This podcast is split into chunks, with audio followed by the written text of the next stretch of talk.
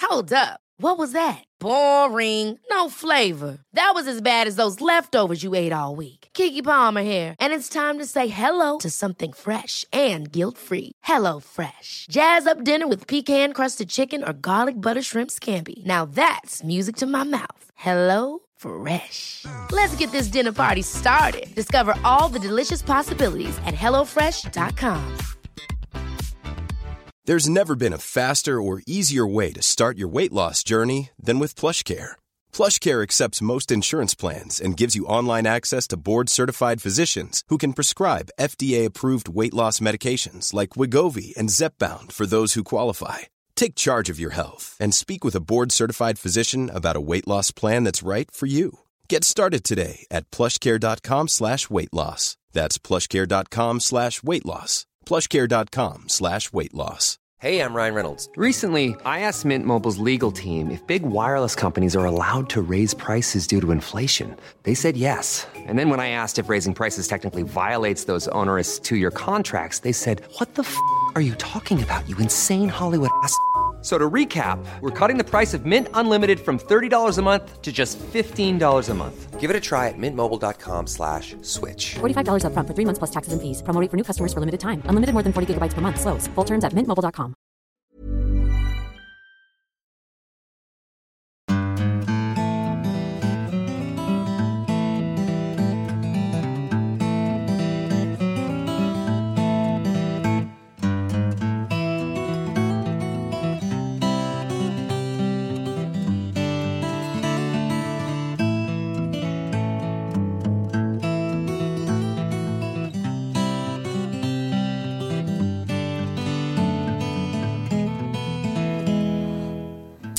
Hjertelig velkommen til en ny episode av Hall og knall-podden.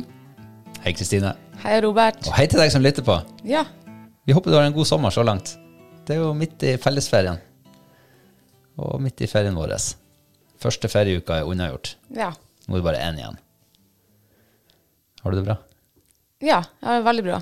Det har jo vært altså, så kanonflott vær i det siste, og vi har fått opplevd så mye. og eh, ja. Det kjennes faktisk ut som at eh, første ferieuka har vart minst i to uker. ja, altså Det har gått utrolig tregt, den her. Og det tror jeg, eh, når eh, ting går tregt, eller dagen går tregt, så eh, har du egentlig opplevd ganske mye. Det tror jeg. Det tror jeg Så også. hjernen driver liksom og bearbeider alt det som har skjedd, så da tar det sikkert to døgn på ett døgn, eller et, ja, du skjønner hva jeg mener.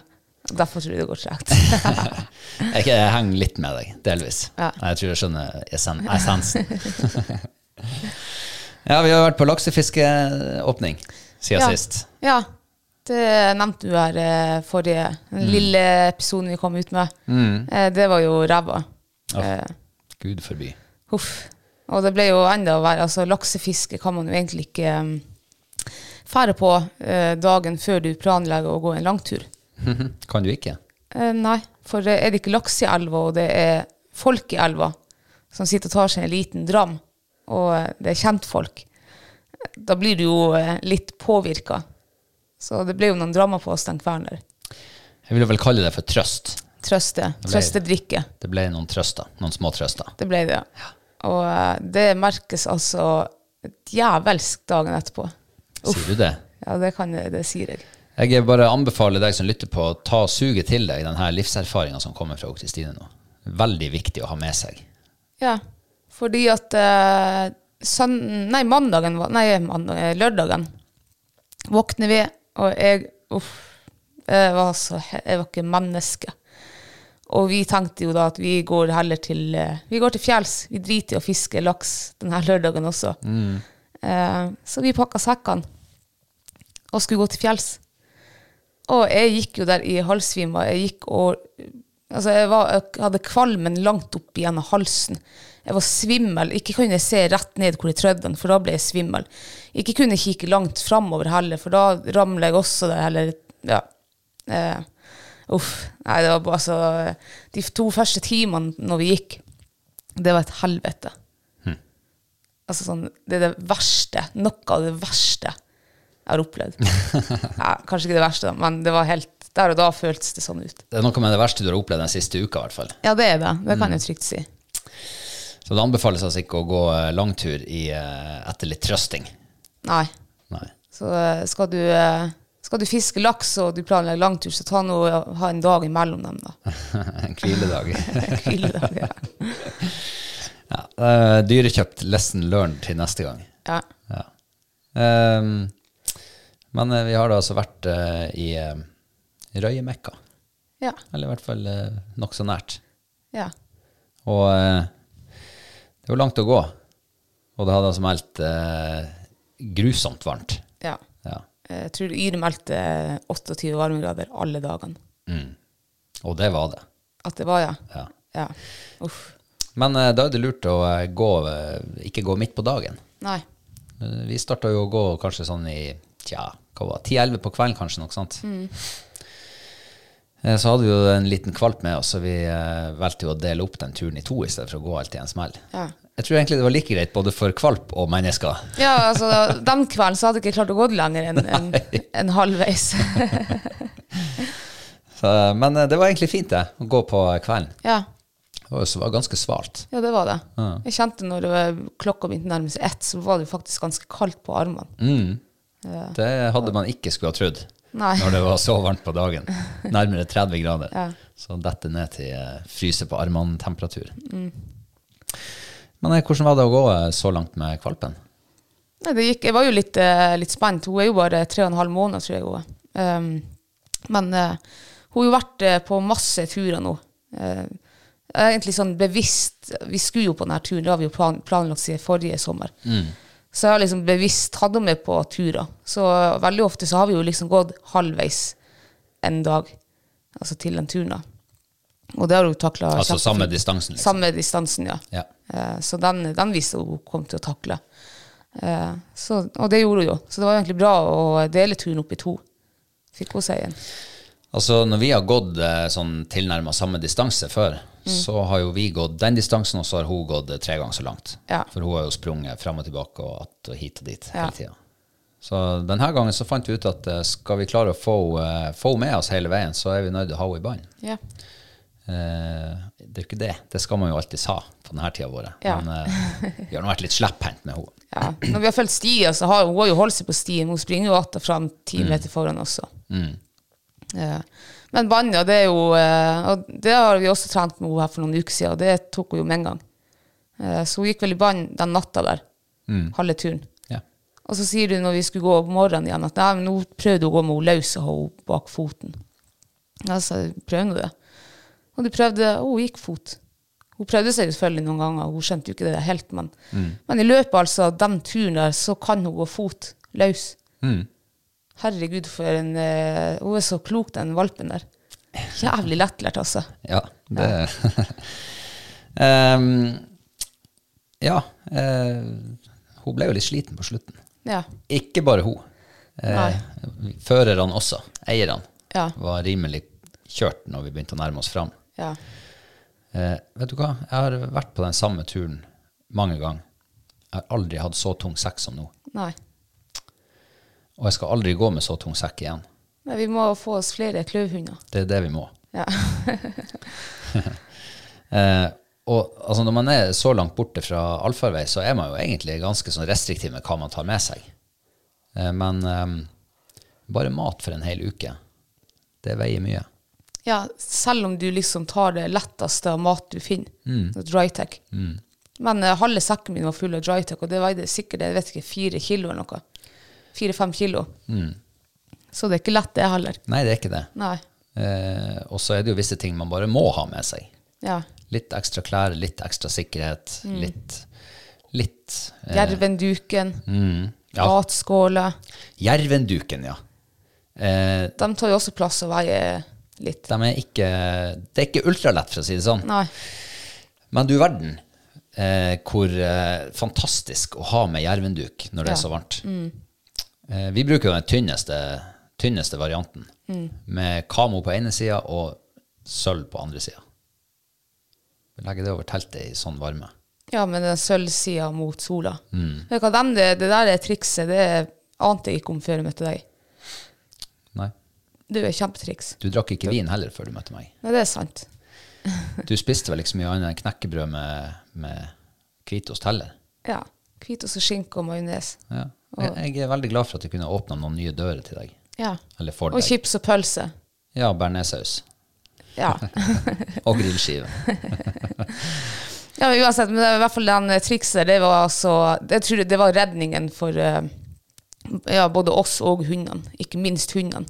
Eh, når du skal være på tur så langt med, med hund, og det er båndtvang, og eh, det er klegg, og det er mygg, og det er sol, og det er fjell, det er ingen skygge, så må man jo tenke litt smart.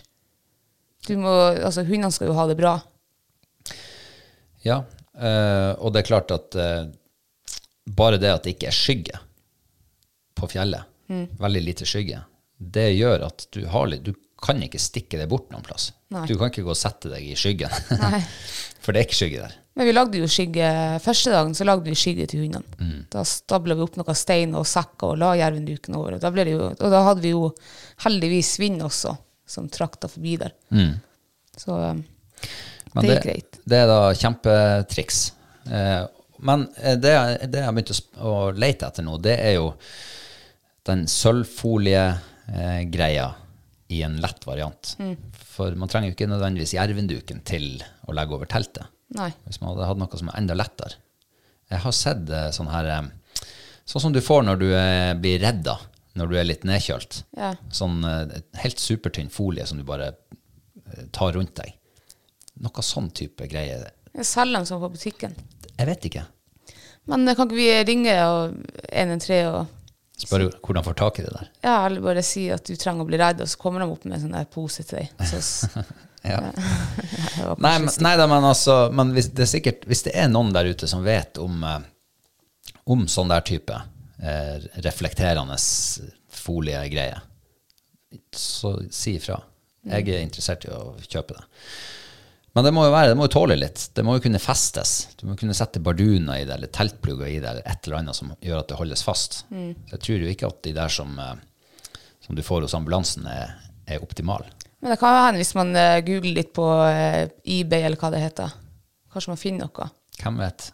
Ja. Jeg har begynt å google, men jeg har liksom ikke helt funnet ut hva jeg skal søke etter ennå. Nei. Ehm, ja. Nei, man må ta vare på seg sjøl og, og dem Ja, man har ikke med minst, seg. ja, ikke minst hundene, for de har liksom ikke noe å si. Mm. De er med oss på tur. Eh, nå er jo vi også veldig privilegerte med at vi har ganske lydige hunder, så de er løse når vi er på, t- på fjellet. Da har vi jo, vi hadde jervendukken over teltet, og teltdøra åpen hele dagen. Så at hundene kunne gå inn og ut som de sjøl ville, og Inn og ut av skyggen. inn og ut av skyggen, og ut og drikke vann, og Mm. ja, rømme vekk. Og hun Fight hun er jo så helvetes redd i klegg at eh, jeg får henne jo ikke ut av det teltet der. Nei. Hun, eh, hun ligger der inne. Så eh, ja. Selv om det ikke er akkurat direkte kaldt inne i teltet når du har jervenduken over, sånn her, så er det i hvert fall eh, stort sett mye svalere. ja, det er det jo. Ja. Og vi åpna jo opp også teltet på begge veiene, at vin fikk lov å komme. Mm. Liksom, trenge forbi. Ja. Så eh, ja. Nei, jeg, jeg var veldig skeptisk første dagen når det var så varmt om eh, og For andre dagen hadde vi meldt enda varmere. Eh, så jeg var jo livredd for det der. Men vi eh, tok jo hundene med oss sånn en gang i timen og blauta dem litt i, i, i vannet. og Kanskje ikke så lurt når eh, de tok X-spot dagen før pga. Mikael, så den X-spoten der, der var jo til ingen nytte. Ja. Men eh, det hjalp på Ex- varmen. Expot er jo sånn eh, permetrinstoff som du får til hundene for å, at de ikke skal bli så plaga av insekter. Ja. Ja, for dem som ikke var, visste det. Eh, nei, men eh, det er jo egentlig litt godt å, å eh, få testa seg sjøl litt grann i sånne forhold. Eh, man kan godt si at eh, å ferde på fjellet i 30 minus er utfordrende, så ja, det er det. Men det er jaggu utfordrende å være på fjellet i 30 pluss også. Det er det jo. Eh, man må være mer nøye med, med seg sjøl. Mm. passe på å få i seg eh, nok mat og nok drikke og solkrem med Ja. på fjellet. det er fort gjort å glemme det. Ja, før jeg møtte deg også, så jeg brukte jo aldri solkrem. Det var liksom, nei, det, jeg har nesten ikke hørt om det. Nei, men det, altså, du kan jo tenke deg da å stå der oppe i den steiken, og så, og så skulle man bli solbrent. Ja. Mm. Altså sånn skikkelig. Fordi at man eh, glemte å ta på seg langarmer, f.eks. Ja, ja. Da hadde turen vært over. Ja, så jeg har jo jeg har erfart det en gang før. Jeg og Johanne vi dro opp en 17. mai-helg det var på fjellet. Skulle fiske på isen. Da gikk, det var så varmt den dagen at vi gikk i shorts og T-skjorte. Kom opp, Og vi kjente jo utover dagen at eh, faen, det begynte å svi på kroppen, og, og når eh, temperaturen falt ned kanskje til 20 pluss, så begynte vi å fryse. Og vet du hva, vi var knallrøde overalt. Og det, det gjorde så vondt, og vi holdt på å fryse oss i hjel. og- Så vi måtte bare pakke sekken på natta og, og fære ned. Og smøre oss med sånn aloe vera-krem og alt mulig. Ja. Det var helt Altså, det gjorde så vondt. Uff. Men hvordan var det å kle på seg sekken og klær og sekk og begynne å gå ned når du var så solbrent? Nei, vi måtte det. Ja. Vi, vi, så, vi kunne ikke være oppe. Vi holdt på å fryse oss i hjel. Det var det verste. Å, At ja. vi, var, ble så, altså, vi fikk en sånn nedkjølt følelse, selv om det var ganske varmt. Ja. Eh, ja, nei, og så oppdaga vi òg en annen ting, og det er jo at solkrem den har en fin effekt til. En bieffekt. Ja. for du er jo ikke så veldig glad i klegg Nei. Mm. eh, og sånne veps og sånne ting. Eh, jeg er heller ikke så veldig glad i klegg, men jeg er ikke redd dem. Eh, men når du er smurt inn med solkrem, det holder kleggen på avstand. Det gjør det, ja. Helt utrolig. Ja, det er sykt. Jeg husker du sa det med at eh, nei, ta, stå i ro, og de setter seg ikke. Og så prøvde jeg jo det, og de satte seg faen ikke. Det var ikke sånn, Jeg likte ikke den solkremlukta. Nei, den gjør ikke det. Nei. Eh, altså, de er veldig snare å sette seg på deg Mm. til vanlig. Men når jeg sto ned med vannet, eh, og det var egentlig det var litt sånn vinddrag, så mygga var på en a- armlengdes avstand. Men Kleggen han var fortsatt og surra rundt meg. Han tåler litt mer vind. Han setter seg ikke. Mm. Nei. Han var av og til bare og så toucha borti meg sånn. Ja. Eh, og så for han videre. Så det var en eh, interessant eh, bieffekt av å smøre seg med solkrem. ja, det var jo kjempetriks. Eh, ja. Nei, vi må vel eh, Vi var ikke der bare for å lære oss, øve oss å være på fjellet i varmen. Nei, nå er vi, jo, vi er jo kommet fram nå der, og vi har jo ett, og vi har eh, klagd og huff og sett det, og det var jo så tungt den turen der. Jeg skulle jo nesten ikke klare å få av meg skoene og alt. Det var, kjentes ut som ja, Ja, alt det var var- ødelagt. Det var tungt. Men vi fikk nå på oss eh, crocsene, fjellskoene våre, og eh, labba ned til vannet. Eh, sola var jo perfekt. Det var vindstille. Og når jeg er 20 meter fra vannkanten, så ser jeg noe rødt. Jeg tenker, er det en fisk eller er det en stein? Nei da, det var en fisk. Han kom liksom helt som den sakte sigende. Så jeg vet ikke om jeg ropte der ser jeg fisk, og så tar jeg ut litt snøre. Han var vel kanskje på 12 meter eh, ut fra land. Og jeg kasta ett kast. Det var reaksjon med en gang ifra ørreten. Jeg tror jeg traff en og en halv meter foran han. Han gikk rett på, slo og tenkte og så Jeg så jo at han tok, og så for han, men jeg kjente han ikke. Før jeg liksom løfta stanga enda mer opp, da, da kjente han. Å, dæven, han for. Eh, sikkert 20-30 meter, og så var det helt stopp. Eh, og når jeg begynner å sveive han inn, så ser jeg jo at eh, han kommer jo med fin, altså haren først. Så da hadde jeg krøkt han. Eh, det var jævlig kjedelig, faktisk. Så stor ørret, og jeg skulle gjerne likt at han hadde tatt den i kjeften.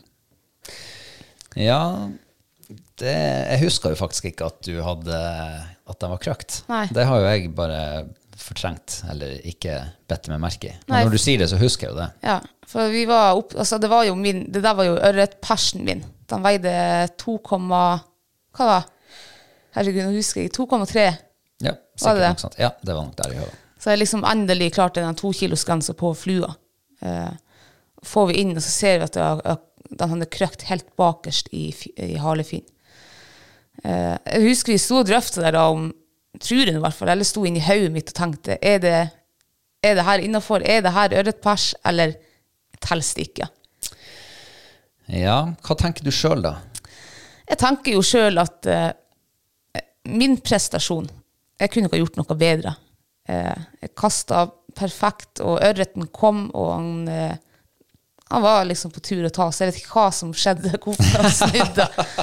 Om han eh, så meg i speilbildet og tenkte shit eller et eller annet. Jeg vet ikke. Men eh, jeg er litt sånn 50-50. Jeg fikk jo, jeg fikk jo eh, Jeg fikk han liksom til å komme til flua. Eh, Det er jo ikke et eh, helt fremmed fenomen, det der, Nei. eh, for oss fluefiskere. Nei. For eh, eh, i hvert fall den måten vi, fis vi har fiska på nå, hvor man står og spotter fisken og hiver på den, så ser du jo veldig ofte at han kommer etter, og så ombestemmer han seg. Ja. Så han får en nagende tvil i, inn i hodet sitt. Eh, og så stikker han. Snur og drar av gårde. Og noen ganger så snur de jo bare at de bare bytter retning. Ja. Andre gangen så er det sånn som du opplevde der, at de bråsnur og liksom pff, av gårde. Ja. Og da er han Av og til så krøker du han. Unnskyld. Av og til så krøker du han, og av og til så krøker du han ikke. Nei. Jeg har jo sjøl opplevd å krøke fisk Ja. på den måten. Jeg ser at jeg har stått i elv og fiska, og ser at fisken tar flua, eh, og jeg gir tilslag, fisken sitter, og så er kampen i gang. Og jeg ser jo at det ikke er en sånn her kanonsvær fisk, Nei. men han går jo som en enorming. Og så kommer han tilbake, tauene som en oterfjøl, Ja. eh, og så er han krøkt i ryggfinn eller i gattfinn, eller altså. Ja. Men at han er krøkt så langt bak i sporen, det har jeg aldri opplevd før. Nei, ikke heller. Det er litt vanligere første at han sitter eh, i brøstfinna eller i Ja, jeg tror faktisk jeg har krøkt i ryggfinna også. gang. Jeg har krøkt eh, laks en gang i helt den bakerste lille fin bakpå, jeg vet eh, hva det kalles for. Den lille Kanskje tunga der, gattfinna eller Nei, oppå ryggen der. ja, fettfinna. ja. Fettfinne, ja. Mm. ja. Eh, Så nei, er det ørretpers? Du fikk han jo på, Ja, Eh, jeg fikk men du fikk han på- ikke å ta. Nei. Han tok ikke helt Men jeg liksom, eh, jeg fikk han inntil flua. Jeg kasta en og en halv meter foran han, og han bare for i en helvetes fart rett mot. Og Mm. ja. Eh, kan jo hende også han bomma på, på flua. liksom- ja, ja, det kan være det. Nei, Det er ikke godt å si. Det er vanskelig å spørre han nå, da, eh, Ja. hva han egentlig drev med. Men eh, nei, jeg, for min del så føler jeg at eh, det, er- det er din følelse som er viktig. Er det følelsen av å perse eller ikke? Ja, jeg- som jeg sa, den er litt blanda når, når jeg sitter og tenker over det. Og jeg, eh, jeg har ikke tenkt på det faktisk før nå, at den eh, faktisk ble krøkt. Eh, ja. Nei, jeg vet hva du ville ha. Hadde, hvis du hadde fått den der etter halvfin, hadde det vært pers? Eller hadde det liksom vært tellende?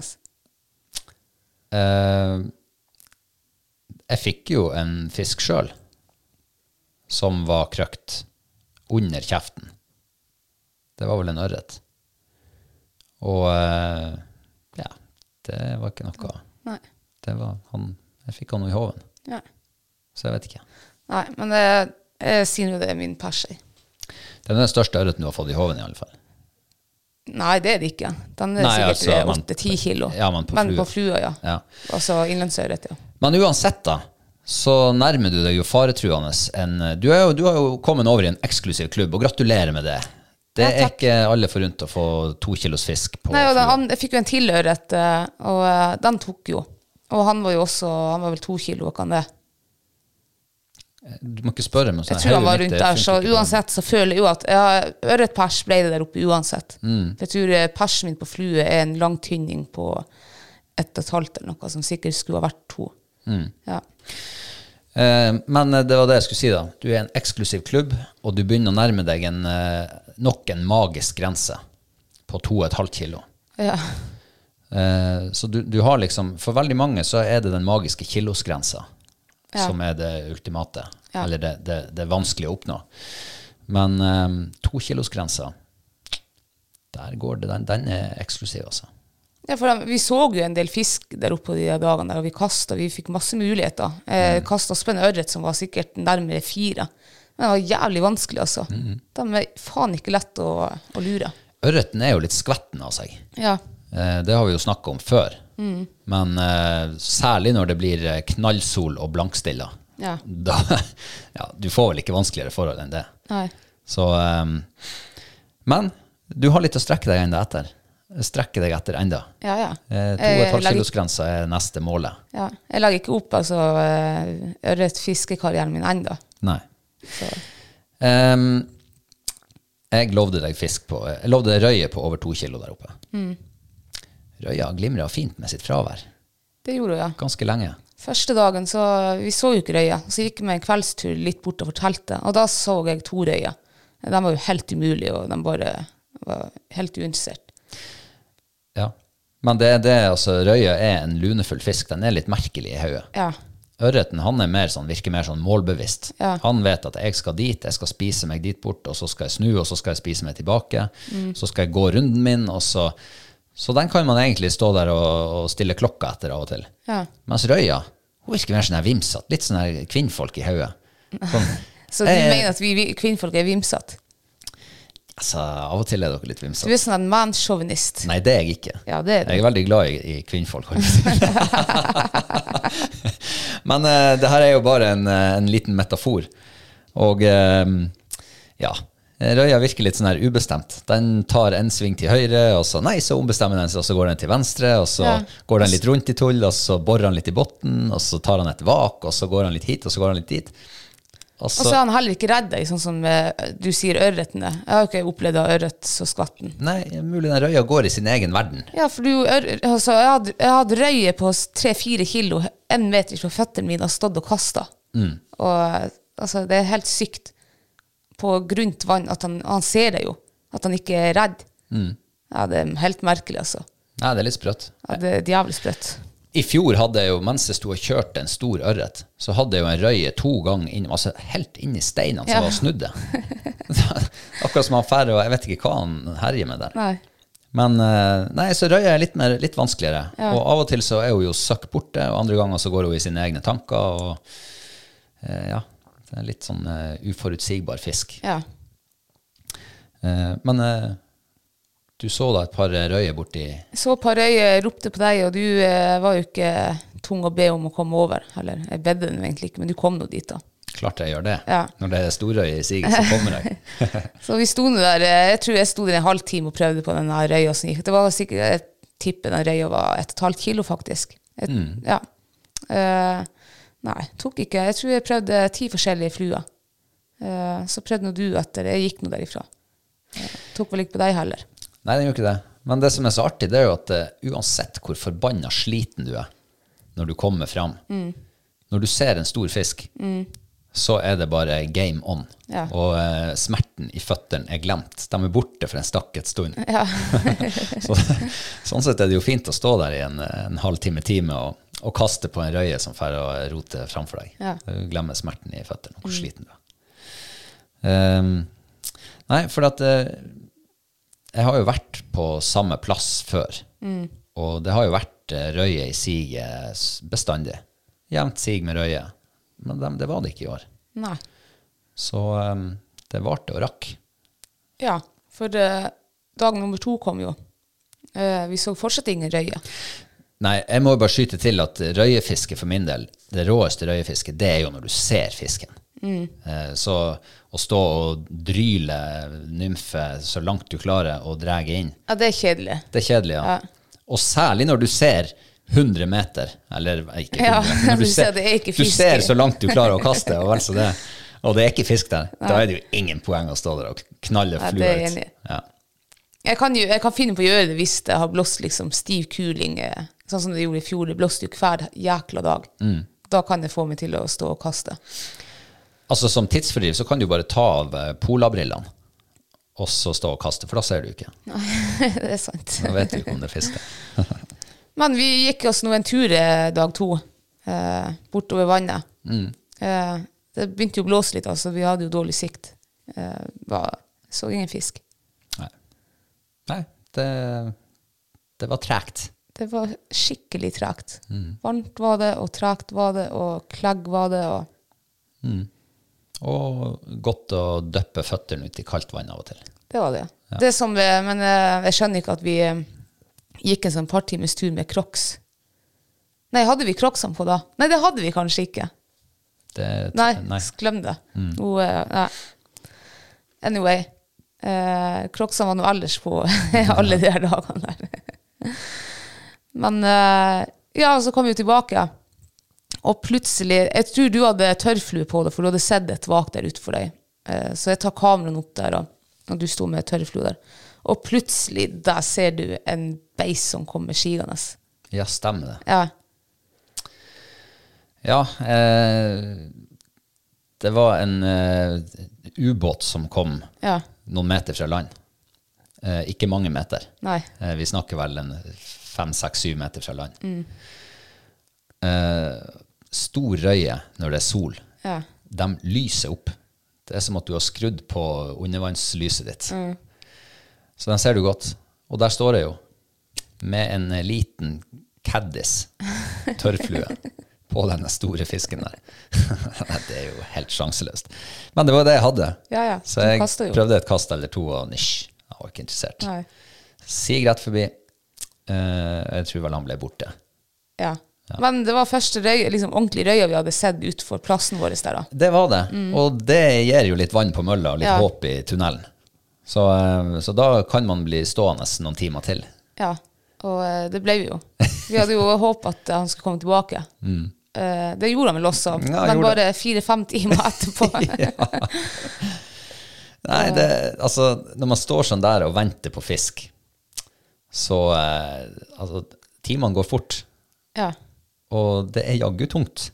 Tungt, ja. Mm. Jeg vil ikke anbefale å stå eh, fire-fem timer i strekk med crocs på Nei. i, eh, i sånn type terreng. Ja, ikke med crocs uansett. Eh, d- Den, den slitenheten du har i kroppen og i føttene når du kommer fram etter en lang gåtur med ordentlig skotøy, den forsvinner ikke når Nei. du står med crocs. Det gjør han ikke. Men det er jo luftig og lett, da. Ja, det er det. Så et lite kompromiss. Ja, nei, den kom tilbake, den røya, noen timer etterpå. Ja. Da hadde jo nymfa på, men da gikk han vel så jæklig fort. Mm. Ja, jeg vet ikke om jeg nådde å kaste på den engang. Nei. Eh, så, men eh, Men Det var litt vind, da, for jeg husker jeg sprang etter han der, men eh, jeg tror ikke jeg nådde å kaste på han, han gikk så fort. Nei. Eh, Og så er det jo litt sånn der, jeg har jo erfart det at eh, hvis ikke røya kommer til deg, så må du komme til røya. Så eh, hvis du har stått i to dager på samme plass og venta på røya, og det ikke skjer noe der, ja, da bør man bytte plass. Ja. Da må man leite litt. Men vi gjorde jo ikke det heller. Nei. Vi sto hele den dagen der på, på samme plass, omtrent. Ja, vi fikk ikke fisk den dagen. Eh, og så er det dag tre. Da, du gikk jo ned dit før sola, sola sto opp. Jeg tror du gikk ned litt over fem. Yes. Ja. Um, jeg lagde noe kaffe der og åt frokost. Og jeg tror når jeg var ferdig å drikke kaffekopp nummer to, da traff eh, sola vannet. Um, men du så vel heller ikke noe da? Ingenting. Nei. Nei. Så um, jeg, eh, i tillegg til at jeg ikke fikk utnytta solfritt inn i teltet, så, så fikk jeg nå i hvert fall utnytta morgenen der nede med, med vannet i Ja. et fisketomt, fisketom plass. Ja, jeg skjønner ikke at du gidder å stå der i en time i skyggen, liksom. Det fatter jeg Altså, ikke. man har jo håp om at eh, en morgenbette skal slå til og Ja, ja. alt det der, men nei, det var steinedødt. Det var dødt, ja. Eh, ja, jeg, jeg kom jo ned til vannet da. Jeg gikk nå litt bort for deg da, så jeg så vel en par øre som kom sigende, men ingen var interessert. Eh, så kom jeg vel sigende bort til deg, og du hadde nå sett noen ørreter, og, og så kryssa vi liksom vår vei. Du skulle gå i området der jeg hadde stått. Og plutselig, der du sto, da kommer en røye sigende. Det var ikke den der ubåten, det her var kanskje bare en tokilosrøye. Ja, en liten En tokilosrøy. liten tokilosrøye. Og Han for kjempesakte liksom mot høyre, og, og jeg kasta på han. Han var ikke interessert, men jeg gikk etter han en sånn 30 meter bort. Og der ser jeg faen meg flere røyer. Så jeg roper jo på deg. Og du kom jo springende i en hu og hei. Og eh, der var tydeligvis røyen. Så vi fant dem endelig på dag tre, bare 30 meter liksom bortfor der vi hadde stått. På grunna. Ja, og vi hadde jo gått forbi der et par ganger, men vi Ja, hadde vi ikke hadde- stoppa oss og speida. Og speiderne. Nei.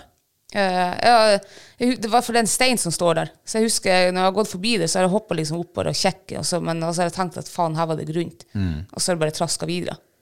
Eh, tenk hvis røyen har vært der hele tida. Det tror jeg faktisk. Det tror jeg òg. Jeg så på Samtidig så så jeg seks røyer i lag. Eh, det må, jo- og det var jo røyesig der. Hele den formiddagen var det jo hele tida. Eh, ja, vi sto vel der i fire timer. Mm. Kasta på røya. Ja, mellom to og tre kilos røye. Eller to, to og et halvt var det vel kanskje. Ja. Eh, ja, helt inn. Den kom helt inn på føttene. Det, det er det som er så sprøtt. Ja. Og det er det som er så frustrerende.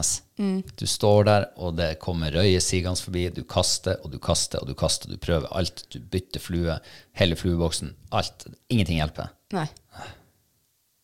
Det var Nei, jeg skjønner ikke hvorfor Mange ganger så kom de jo etter, men så bare Nei, gidder jeg ikke. Nei.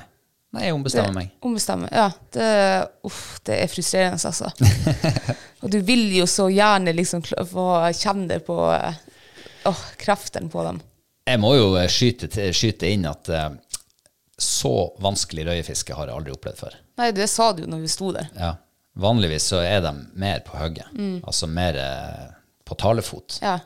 Eh, Og du kan få deg en to, tre, fire røye på en dag. Å ja, såpass, ja. Ja, ja. ja. Men nå, nei. Det er, du, tålmodigheten får virkelig kjørt seg. Ja. Men eh, du klarte jo å lure en røye til slutt. Ja, eh, det, var, det kom en litt sånn der eh, altså, Veldig fin fisk. Han var rett over i gjennomsnittet, kanskje, på, de, på gjennomsnittet der, da. Han kom helt inn på steinene på grunnen, så jeg måtte nesten rygge for å kaste på han. Eh, og da tok han ikke, og da for han fra meg. Og så tenkte jeg, måtte om han kom tilbake samme vei. Så jeg holdt nå øyet liksom inn mot land der. Og en ti minutter etterpå så kommer han tilbake. Jeg tenkte nå dæven.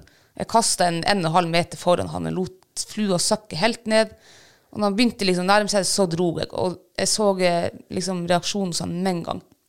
Han bare pilte fram. Og jeg ser han åpne Jeg ser ikke flua mi, da. Men jeg ser han åpne kjeften og lukke igjen. Og jeg tenkte nå må vi bare gi tilslag. Det jeg tror det var min flue. Og så gir jeg tilslag. Og så bare Altså, toget gikk, altså. Fy faen hvor det gikk. Jeg tror jeg sprang 30-40 meter etter han, for jeg var livredd han skulle gå inn i sånn skerry for det var i den svingen der. Ja, det var så herre jesu at det går ant. Eh, da har du altså stått i mange herrens timer, kasta sikkert 200 kast på røya, og endelig lykkes du. Eh, han tok flua di, og han ah, eh, Nei, Jeg blir helt ordløs, jeg. Eh, det er andre gangen jeg har fått røye på det vannet der, og det var like rått begge gangene. De drar jo ut, du er nesten redd for om du har nok snøre på, på snella når, eh, når du setter fast i en sånn der. Og jeg kjente jo han var tung, så jeg tenkte jo at eh, berger han her, så da er det nok mest sannsynlig røyepers. Ja, for du hadde røyepers på 1,4. Seks. 6. Ja. 1,6, ja. 1,6, ja. Eh, den her kjentes tyngre ut. Eh, og når jeg så han, så var han jo faktisk Han var større også enn jeg trodde. Jeg trodde ikke han var så stor som han var, faktisk. Eh, ja, jeg fikk han vel inn etter en ti minutter, noe sånt. Å, herregud. Å kjenne på den deilige kubba der. Det var ja, det var det er en ut av de råeste fiskeopplevelsene tror jeg jeg har hatt. Det er fare for å bli litt sånn fuktig i øyekroken når man står og opplever det der. Ja, altså, jeg, og jeg- jeg ble så svimmel også. Jeg ble helt svimmel. Eh, varmt var det, og du st- sto og hylte og ropte der, og pusta tungt. Og var, det kjennes faktisk ut som jeg hadde gått eh, turen dit opp igjen. eh, og når du endelig liksom klarer å berge han, han eh, Nei, det var herre jesu for en opplevelse. Det er liksom, det er motivasjon til å gå opp dit igjen. Ja. Det er det. Ja, man trenger liksom ikke mer. Nei. Det er en sånn fisk, og så er det Ja, og når jeg fikk den fisken, bare, da tenkte jeg yes, nå, nå er turen berga. Det var liksom Ja, den ene fisken der, altså, den eh, har egentlig berga hele sesongen min, føler jeg. Og den veide jo 2,8 kilo. Eh, eh, Jeg må bare si gratulerer igjen, takk. for det er helt rått. Ja, det var rått. Altså, røye over to kilo. Jeg lovde deg det. Mm. Jeg lovde deg ikke røye på nærmere tre. Nei. Eh, Men eh, den der persen er jo u udiskutabel. Den hadde bitte på flua. Det var ikke som den ørreten som eh, Nei, nei, den her, nei, den her beit på flua. Og eh, jeg tok vel eh, Jeg slo vel din rekord også, da. Gjorde ikke det? Ja, du eh, inntok jo eh, t- tabelltoppen i familie, på familie, eh, pers, eh, hva er det, familierekorden. Ja. For hva din pers var? Ja, den var vel 2,5 eller 2,5, ja. ja. Eh, Du har det med å gjøre det liksom eh, Altså, jeg har jobba i mange år for å liksom tyne rekorden min fra 1,9 til 2 kilo, 2,1, 2,3, 2,4 husker jeg. Og så fikk jeg 2,5. Og liksom å bikke denne 2,5 kilos-grensa var stort for meg. ja. Men du går altså fra 1,6 til nærmere 3 kilo. Du, har ikke, du, har ikke, du, du får ikke oppleve den der, det arbeidet med å liksom komme ett hekto høyere, ett hekto større, og først bryte tokilosgrensa, og så jobbe det sakte, men sikkert oppover mot 2,5. og så, Nei da. Nei, knuse både 2 og 2,5 kilosen i ett smell. Ja, men eh, nå har jo, eh, du har jo sikkert eh, vært sjøllært, holdt på å si, fra du var liten guttunge. Jeg har jo vært så privilegert at jeg, eh, jeg fikk den beste eh, læremesteren til å, å vise meg. Slutt, Jeg har jo lært den den beste. ikke si sånn. Men jeg begynte jo å fiske med enhånds fluestang på fjellet når jeg møtte deg. Fem-seks år eh, siden. Um, Og eh, jeg fiska jo da i fire-fem år. Fikk bare sånn kilosfisker. Så nå sletter litt, jeg også. Eh, Jeg har fått 1,1, 1,2, 1,1 igjen, 1,3, 1,4. Der har jeg ligget på. Så det var faen, det var jaggu meg altså på tide og fortjent. Eh, men du sier at turen ble berga eh, for din del. ja. Men der og da, i øyeblikket, så følte jeg egentlig at turen så godt som var berga for min del òg. Nei. Ja, for jeg syns det er noe med det der å eh, At du får oppleve det som jeg har opplevd så mange ganger før. Eh, og det der enorme kreftene i de røyene. ja, det er helt sykt. Altså Hadde du stått i blinde og fiska og fått på en fisk, ørret eller røye, så hadde du merka med en gang hva som er hva. For ørreten han er ikke sånn der sprek Mm. Nei. på den måten. Han fær og herjer litt fram og tilbake, men han er ikke sånn som går Nei. Mm. 100 meter i en smell, som røye er. Så de der kreftene der, det er kjempekrefter. Og det er så sprøtt, og det er så rått. Du kan, nesten, du kan kanskje sammenligne det som eh, kveitefiske. Når kveita tar, han bare bong, smekk, liksom rett bortover. Ja, det er ikke noe sånn her hva jeg nå skal gjøre. Nei, det er bare det- instinktet slår inn og Ja. smukk av gårde. altså er det jo litt surt selvfølgelig å miste familierekorden til deg. Det, det er jo det. Så, men eh, ja, Ja. Nei, men eh, vi, tok, vi feira jo meg, og, vi feirer deg. og fortsatte å fiske. Jeg lot nå deg stå der nede. Jeg s- Jeg tilbød deg stanga mi, gjorde jeg, og flua mi. Jeg ble, Altså, du ble, litt cocky. ovenpå. Ja. litt ovenpå. Eh, ja. Nei, men jeg tenkte mest at eh, jeg har en klasse større enn deg, så jeg tenkte at du nådde ut liksom til de der, der øyen sto, da. Eh, så jeg var nå oppe og ja, vanna hundene og spiste litt, tror jeg, og kosa meg. Så kom jeg ned igjen. Eh, og vi fortsatte å kaste. Og de røyene var jo der ennå. Tok jo ikke. Og plutselig så ser jo du den ubåten igjen. Ja. Eh, det, noe, altså, jeg husker ikke sånne der detaljer så nøye, men, eh, men eh, han eh, Jeg husker det begynte å blåse, i hvert fall. Ja. Og så så du den. Og han seig vel forbi meg, fra høyre mot venstre, og jeg jogga meg etter han og kasta og kasta og kasta flere kast på han, og til slutt så mista jeg han ut av syne. Ja. Eh, og dagen før så hadde han jo gått liksom, han var blitt borte fra oss, gått antagelig ut på dypa. Så jeg eh, anså den sjansen som tapt. ja. Så jeg gikk tilbake eh, der de andre smårøyene på to kilo var. eh, og så roper du 'Nei, nå er den her igjen! Nå er den inn med land! Du må komme hit og kaste!' Jeg er jo ikke tung å be når jeg får sånne muligheter servert. Nei. Så eh, jeg eh, Den kommer faktisk Jeg trengte vel ikke å flytte på meg heller så mye. Ja, Noen, Du kom springende 15 meter. ja, Kasta på han én gang. Nei, ingen reaksjon. Tenkte jeg ok, jeg har én sjanse til. Kasta to meter foran han, lot flua synke litt, og så ser jeg han skyter fart. Og jeg bare napper litt i flua. Jeg mister flua ut av syne, og så ser jeg at han gaper, og at han lukker kjeften i området der flua var. Ja. Og de der følelsene, den, liksom, den vurderinga jeg gjør inni hodet da, som foregår i løpet av en brøkdel av et sekund Ja. Var det min flue den tok? Ja, kanskje. Nei, var det det? Skal jeg tørre å gi tilslag? Hvis jeg gir tilslag nå, og den ikke har tatt flua, så er sjansen blåst.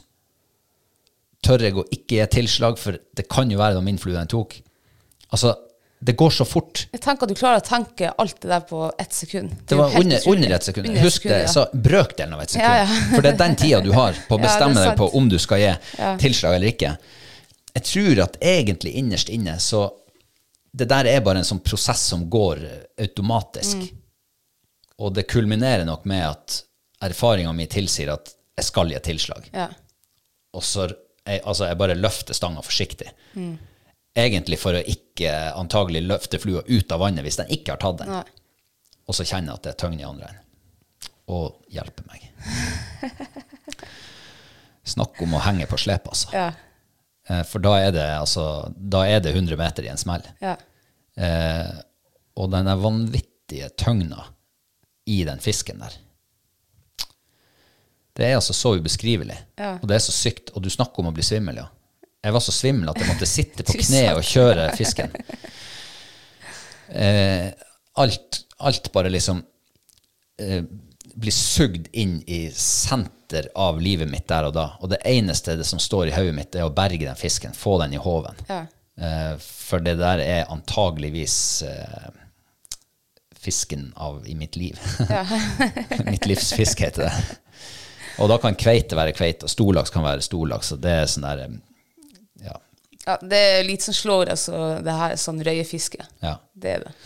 Og jeg ser jo på spola mi på snella at nå begynner det å bli tynt. det begynner å bli tynt med snøret. Eh, og jeg har stått og bremsa fisken, jeg fi- bremser bestandig fisken med lillefingeren. Og når backinga fær over lillefingeren, i den farta der, som den hadde av og til, plutselig så bare svir det til. Altså det er brennmerking i lillefingeren. Så jeg må bytte finger. Jeg blir brennmerka i ringfingeren også. Eh, og når jeg da ser at nå er det ikke mer snøre igjen snart, så det eneste jeg kan gjøre da, det er å liksom kneppe til bremsa et hakk eller to. Bare sånn at den må jobbe litt ekstra. Den kan ikke få gå sånn der vilt og nesten uhemma. Og det hjalp, så den stoppa. Og så kommer han sigende sakte inn. Ja, lang historie kort. Den havna i håven. Ja, etter litt eh, vannsprut og vann, drikkepause, og eh, du holdt på nesten å besvime av der, så eh, Stemmer det? Stemmer det? det var godt du ikke gjorde det, for da hadde jeg stått der alene med en eh, bevisst mann og en røye på en stang som jeg ikke hadde ant hva jeg skulle gjort med. jeg, jeg sa vel til deg at hvis jeg besvimer nå, så spark meg nå ut i vannet, sånn at jeg, eh, at jeg våkner da. Nei, jeg var faktisk bekymra en stund der for at jeg faktisk kom til å svime av. Jeg var så svimmel Ja, ja, og ja. dissig av og til at eh, Ja. Eh, Nei, det var en fantastisk fisk. Det var det, ja.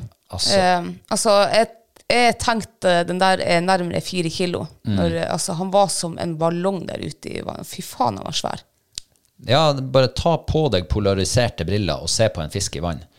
Så ser den mye større ut. Ja, han gjør jo det. Så, men den var verken fire eller fem kilo, men den var eh, 3,3. Ja. Men det er jævlig fin fisk, altså. Ja, det er det.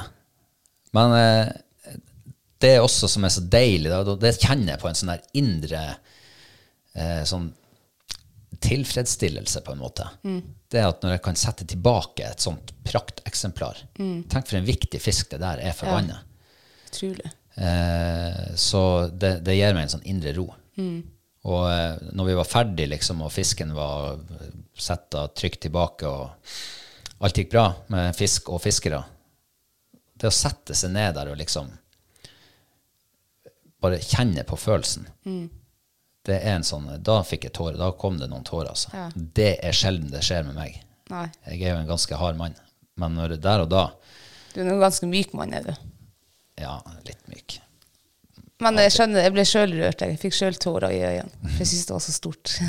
Ja, det var stort. Eh, og det er liksom sånn der Du har hatt den lengselen så lenge, og, eh, og så får du endelig oppleve det. Eh, ja. det fisken kunne vært 2,6 kilo for min del, for da hadde jeg liksom fått strekt eh, rekorden min litt. Grann.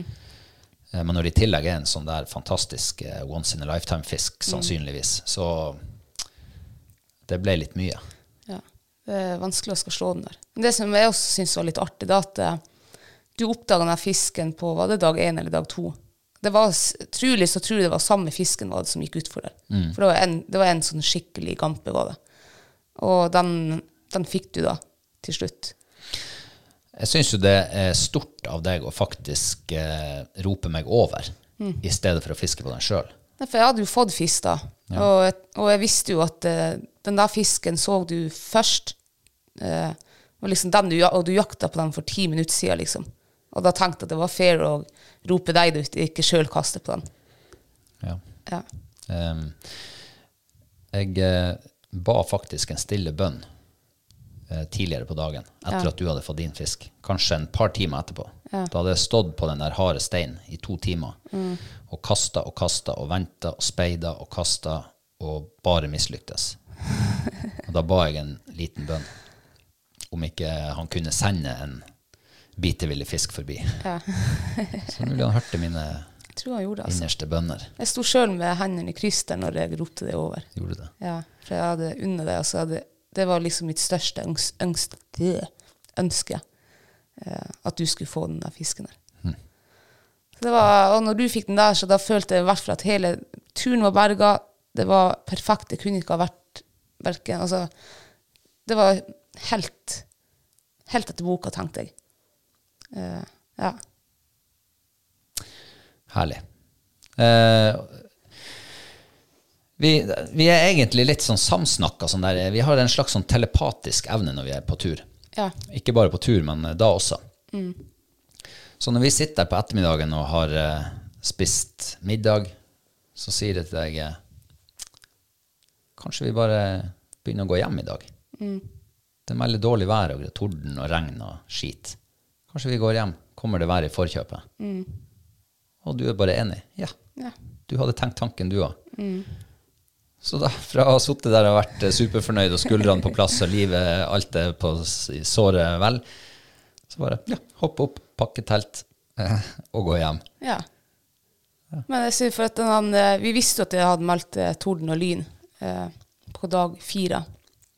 Og det lå i bakhodet mitt fra vi kom opp dit. Jeg, jeg er så redd eh, lyn, jeg, i hvert fall på fjellet, og når du ligger der oppe en haug med teltet som det høyeste punkt, og eh, man vet jo aldri. Altså, mest sannsynlig så skjer det jo ingenting. Det går bra. Men jeg, allikevel så har jeg utrolig respekt for, eh, for lyn, og er ganske redde. Så når du eh, bare foreslo om vi skulle pakke ned på kvern og gå, at vi mest sannsynlig kom oss ned til bilen da, før, før det skulle brake løs, så ble jeg veldig glad. Eh, for vi var jo på fjellet for noen år siden da det var eh, altså et himla tordenvær. Ja. Ehm, og det Jeg har aldri vært redd for lyn og torden. Nei. Men eh, den gangen så ble jeg litt Jeg fikk en liten sånn eh, en slags støkk i kroppen. ja. For det var så nært, og det var så mye. Altså, og det- alle kanter var det. Fra alle kanter. Jeg tror vi lå midt i øyet av den der, eh, den der tordenstormen. Eh, Og jeg hadde ikke lyst til å oppleve det en gang til. Eh, Selv om vi, vi hadde jo planen klar. Kommer det torden, så skal vi under den steinen, og vi skal eh, bure oss inne der. Mm. Og jeg tror det hadde gått helt fint. Men eh, følelsen av å ha 100 kontroll er jo bedre enn følelsen av å ha 50 kontroll. Ja. Så det var egentlig greit å gå hjem. Ja. Og Og når når vi- Mm. vi, ja. Det var ikke meg når jeg avbryta. Nei da, når vi eh, liksom følte at eh, nå var turen Nå hadde vi opplevd det vi var kommet for. Så da er det greit å gå hjem. Ja. Og når vi kom hjem, så det første jeg får opp når jeg får dekning, det var jo dessverre at to stykker hadde mista livet i lyna. Mm. Så da ser du liksom da hvor farlig det kan være. Eh, Ja.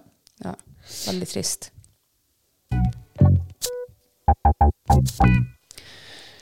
ja da, eh, man opplever stadige ting. Og eh, du har jo da, eh, som vi har behørig omtalt, persa to ganger. Eh, men du stopper ikke der. Nei. Nei da, alle gode ting i tre.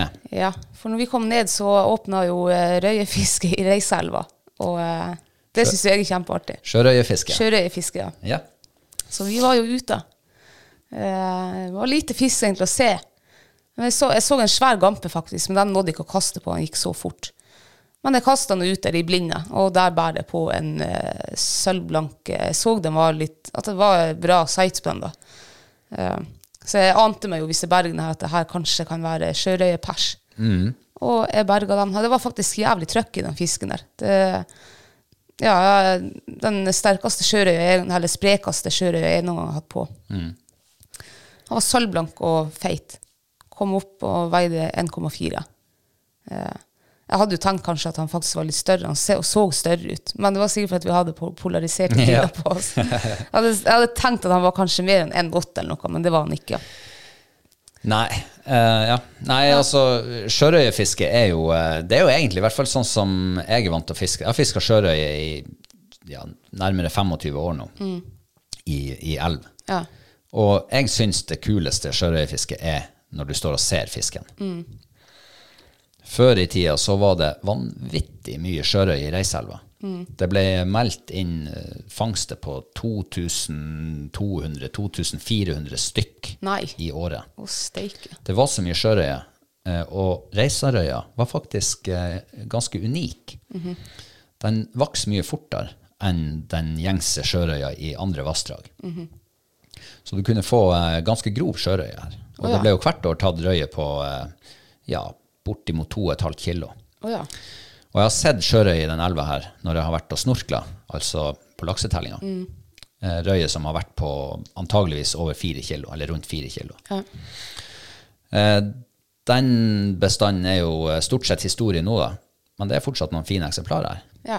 Eh, Og eh, spotfisk etter sjørøye, det er så drita kult. Ja, det er kult. Eh, Eh, Før jeg møtte deg, så har jeg aldri fiska liksom, spesifikt etter sjørøye. Jeg har fått noen sjørøye som jeg har kasta etter, etter ørret eller torsk eller sei ute i havet. Men eh, ja, så min eh, Jeg fikk vel en sjørøye i fjor på 1,2, og det var største da fram til nå, da. Ja. Ja, jeg bare eh, stiller meg opp og gratulerer deg nok en gang med ja, takk. tre ganger pers denne uka. Nei, det er sprøtt. Ja, det var Eh, artig. ja. Eh, og det er jo en kort sesong på sjørøyefiske. Ja. Eh, de skal ikke stå så veldig lenge på elva før de begynner å miste litt av eh, kvaliteten. Eh, og det så vi jo i fjor. De fiskene som begynte å bli litt sånn der eh, midnattssolrosa i buken, de, hadde, de, de var ikke top notch mer. Nei. Men de her fiskene som vi fikk i går, helt sølvblank. Ja, de må ha vært eh, akkurat kommet opp fra sjøen, tror jeg. Det var lus på den ene jeg fikk. Ja. Ja, det var det. Så de er nylig kommet inn i, inn i vannet. ja. Ehm, det er da vår uke sånn stort sett kort oppsummert. Ja, Vi har jo hatt oss en tur på havet også, etter storskei. ja, det var ja, det. Ja, eh, vi fant jo ikke storskei, da, men vi fikk nå en eh, kasse full av småsei og noen stabbsei og en torsk og en steinbit. Eh, ja, det er fortsatt eh, fantastiske råvarer i havet midt på sommeren. Ja, vet du hva, vi har, jeg måtte, eh, I går når jeg gikk ned med sjørøya i fryseren, så måtte jeg bare si til deg, Ror, vi må slutte å fiske, for nå har vi mat altså for en hel eh, eller halv vinter. Ja, men eh, vi har jo eh, kjøleskapet fullt nå av, eh, torsk, nei, av sei som vi skal lage fiskekaker av. Ja. Eh, og de ble jo ganske gode, de vi lagde i fjor. Ja, det ble de. Så jeg gleder meg jo til ferske fiskekaker. Og vi, hadde, vi lagde jo en 170 fiskekaker i fjor, og det hadde vi jo langt ut på vinteren med oss på isfiske, som turmat og Ja, dem Så- har vi jo hatt med oss på sjøen som turmat, og på Ja, ja. fjellet som turmat, og lunsj og ja, Sånn sett så er vi veldig privilegert, faktisk. For at den har eh, altså, egentlig hele året da når vi jakter og fisker, men spesielt fiske på sommeren. Vi har altså så utrolig mye gode mat og råvarer utover høsten og vinteren. Tenk, vi har eh, røyka fisk, vi har speka fisk, vi har eh, koteletter, vi har filet, og vi har fiskekake, og det ene og det andre. Mm. Ja. ja virkelig. Mm. Eh, vi bor jo midt i matfatet. ja, det gjør vi. Og det tror jeg nok de fleste gjør. Alle bor eh, midt i et eller annet matfat. Mm. Så eh, det er jo bare å eh, komme seg ut og, og høste Ja. av de, det, det, de, det overskuddet som er der. Mm. Eh, og det er jo så mye bedre å ta med sine egne fiskekaker på tur enn det å gå på butikken og kjøpe dem som er produsert på en fabrikk. Ja, og så smaker det jo mye mer fisk, altså.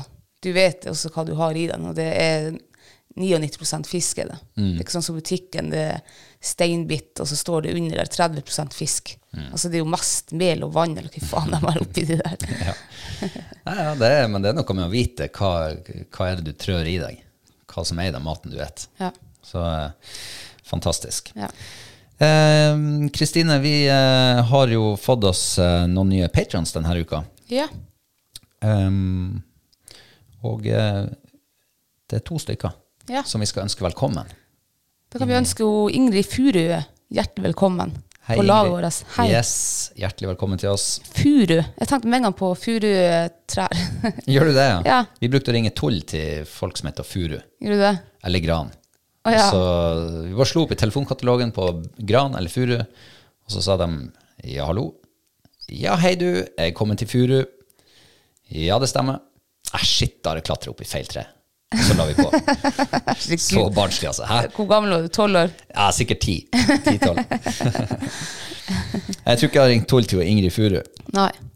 Men eh, hun ser ut som eh, Det ser nesten ut som hun er på klatretur. Nei, hun er på fjelltur. Jeg ser hun har kniven i lomma, tror jeg, og så har hun en svart elghund bak. Ja, herregud, jeg er jo dårlig til syns i dag. Og det ser ut som det er lyng der, så kanskje de er litt oppe på høyfjellet. Kanskje de er og jakter elg. Eller hjort. Kanskje det er hjort, faktisk. For på hjort så har du ikke lov å ha liksom løshund etter som er høyere enn eh, ja, noen centimeter, jeg husker ikke. Hva- Sa du det var en svart Så- elg under der? Er ikke det en svart? Jeg tror det er en svart elghund. Det kan Det kan, ligne. hende jeg tar helt feil. Det er et veldig smått bilde, men eh, Ja. Men jeg tipper, jeg tipper faktisk hun er fra Vestlandet. Jeg tror hun er fra um, eh, ja. ja, Det eneste jeg vet om Vestlandet, det er jeg kan Førde og Bergen og Loen, for det er der hun Johanne liksom har Da blir det operert. en av de tre, da. Ja, Jeg sier, er det, Førde, sier jeg da. Oi, vi havna i Førde, ja. Nei, ikke akkurat i Førde, men rundt der på en av de små bygdene eller noe. N- Nordfjord eh, det kom- Nordfjord, kan jeg si. ja. Det er litt større, Ja. kanskje. Ja, Jeg eh, tror jo at det er et bra svarthundmiljø på Østlandet. Eh, Så jeg tror at hun er i eh, nei, Ingrid Furu. Jeg vet ikke hvor folk heter Furu hen. Heter de det på Østlandet? Jeg, vet ikke, jeg fikk litt sånn eh, sørlandsvibber også. Unnskyld meg, nå har du landa på Nordfjord. Ja. Men jeg eh, sier bare at jeg, ja, det var mitt valg nummer to. ja, altså, hvis man har profilbilde med en hund på, så er det jo sin egen hund. Eh, Og jeg tror hun er elgjeger. Jeg tror eh, jeg, jeg, jeg tror kanskje hun er fra Jeg tror jeg havner i Trøndelag. Det gjør jeg. Ja, Det kan pike meg godt enn du har rett. det, Eh, Og da altså. tror jeg det er litt innover mot i retning Sverige, så fra flyplassen der, Stjørdal, er det det heter? Steinkjer, Stjørdal. Stjørdal altså inn mot Sverige. Mhm. Jeg vet ikke hva det heter der, men eh, halvveis til Sverige fra Stjørdal. Det ser kaldt ut der hun sier. Hun har votter på seg og dunjakke. Og Ja, men det er jo, hjelmduk. det er jo i eh, oktober, det der. Det er Ja. Mm. jo, elgjakta er jo i gang. Så. så da har jeg havna i Trøndelag, og du har havna i Nordfjord. Ja. Eh, og så har vi en eh, dame til, og Ja. det er hun Sandra Baumann. ja. Hun har nå en eh, kløv og en hund og en eh, ryggsekk på profilbildet. Og et vann Og i bakgrunnen. Et vann eller elv. Eller eh, Eller det var kanskje vann, ja. Ja, det er nok et vann. Det ser ut som det er en sti, en veldig godt brukt sti der. Kanskje Ja. det er en sånn eh, utfluktsområde, det, akkurat det der. Så jeg tror det er golden retriever hun har. Og så har hun fiskestang på sekken. Det har hun, ja. Ja. Oh. Er det noe jaktdekken som er på den hunden? Nei, det er kløven som Jeg tror det er kløv som er der i bakgrunnen. Ja, det er det kanskje. Jeg tror det er kløv. Ja. ja. Eh, har vi noe Hvordan skal vi snirkle oss inn på noe her? Ja, skal- det er akkurat som altså, jeg skimter helt der i bakgrunnen, så er det fjell, og enten er det snø på fjellet, eh, eller så er det bare en liten haug, og så er det himmel bak. Ehm, men hvis nå det er høyfjellet, kanskje hun er i Jeg, jeg får Nordland, jeg. Mm. Eh, ja, hva jeg skal si? Jeg sier eh, Mo i Rana. Ja. Det er jo bjørkeskog, ser det ut som. Ja, så er det en furu der bak. Der er en furu, ja. Hmm, den der var vrien, du. Da er vi nå ikke i Finnmark. Jeg tror ikke det er så mye furu Ja, det kan jo være inne i kan jo Finnmark. være, ja. Tanadalen, der er Ja, ja, kanskje furuskog. Og Pasvik. Kanskje jeg sier Pasvik? Pasvik. Ja, det er så- sikkert ikke dumt. Eh, hva det kan hete borti der? Eh, d- altså, de bor, vel i, de bor vel ikke på Storskog, liksom? Der borte. De bor vel i Kirkenes? Er ikke noe som heter Bjørnevatn eller noe der? Bjørnvatn Bjørnvatn. Jeg sier Kirkenes. Kirkenes. Ja. Ja, det er kanskje ikke så dumt, det. Nei, jeg vet ikke. Baumann høres jo litt eh, kontinentalt ut. Tysk ut. Men jeg sier Kirkenes. Ja. Eh, uansett, Ingrid og Sandra, eh, hjertelig velkommen eh, inn i gjengen vår. Vi setter veldig pris på at dere er her. Det gjør vi, ja. Ja, Kristine, vi har jo eh, funnet ut at vi skal eh, ha en liten giveaway i juli også. Ja. Og den er sponsa av Hall og Knall. ja. Ja. Dæven, det er ikke tull nå, altså. Nei, nå river vi skikkelig til. Eh, For da har vi altså sett oss sammen en liten pakke fra nettbutikken vår eh, med våre favorittprodukter. Ja. Ja. Og det er kokeboka. Ja. Jegertvillingens kokebok. så- Signert av deg. Denne gangen så skal vi få den signert av hun Johanne også, ja. eh, siden hun er hjemme på ferie. Eh, Og så gir vi bort eh, favorittcapsen min. Ikke min caps, men eh, Hall og Knall sin caps. Ja. Og så gir vi et eh, Jegertvillingenes eh, sluksett. Ja. Ja. Hvordan eh, skal, skal det være valgfritt? Sjø eller eh, Ja, det kan være fersk? valgfritt. Ja. Ja.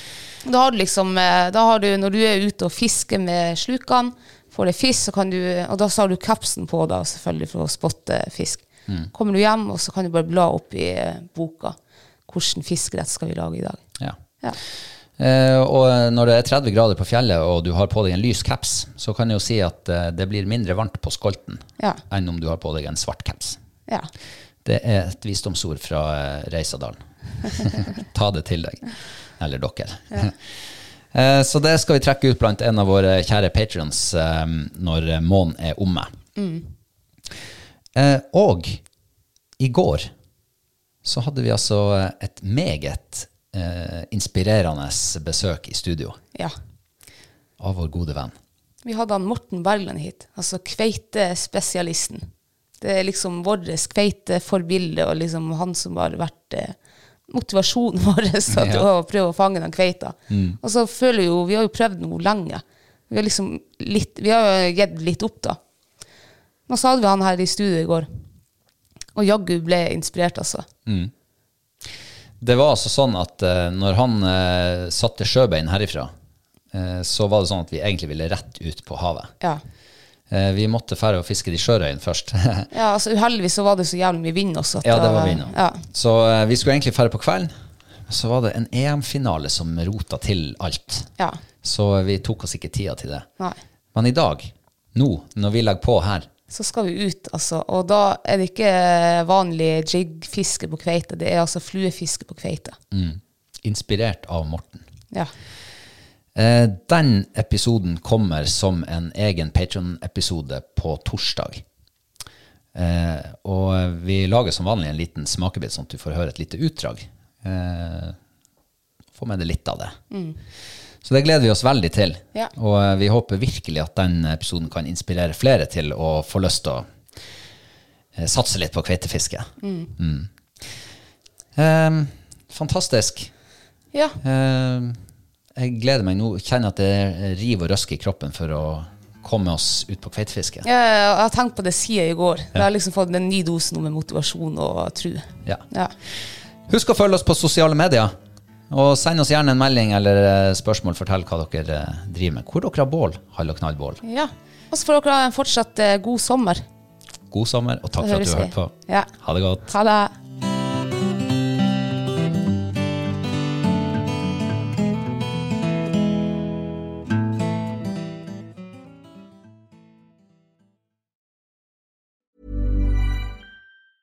Ever catch yourself eating the same flavorless dinner three days in a row? Dreaming of something better? Well, HelloFresh is your guilt free dream come true, baby. It's me, Gigi Palmer. Let's wake up those taste buds with hot, juicy pecan crusted chicken or garlic butter shrimp scampi. Mm. Hello Fresh. Stop dreaming of all the delicious possibilities and dig in at HelloFresh.com. Let's get this dinner party started.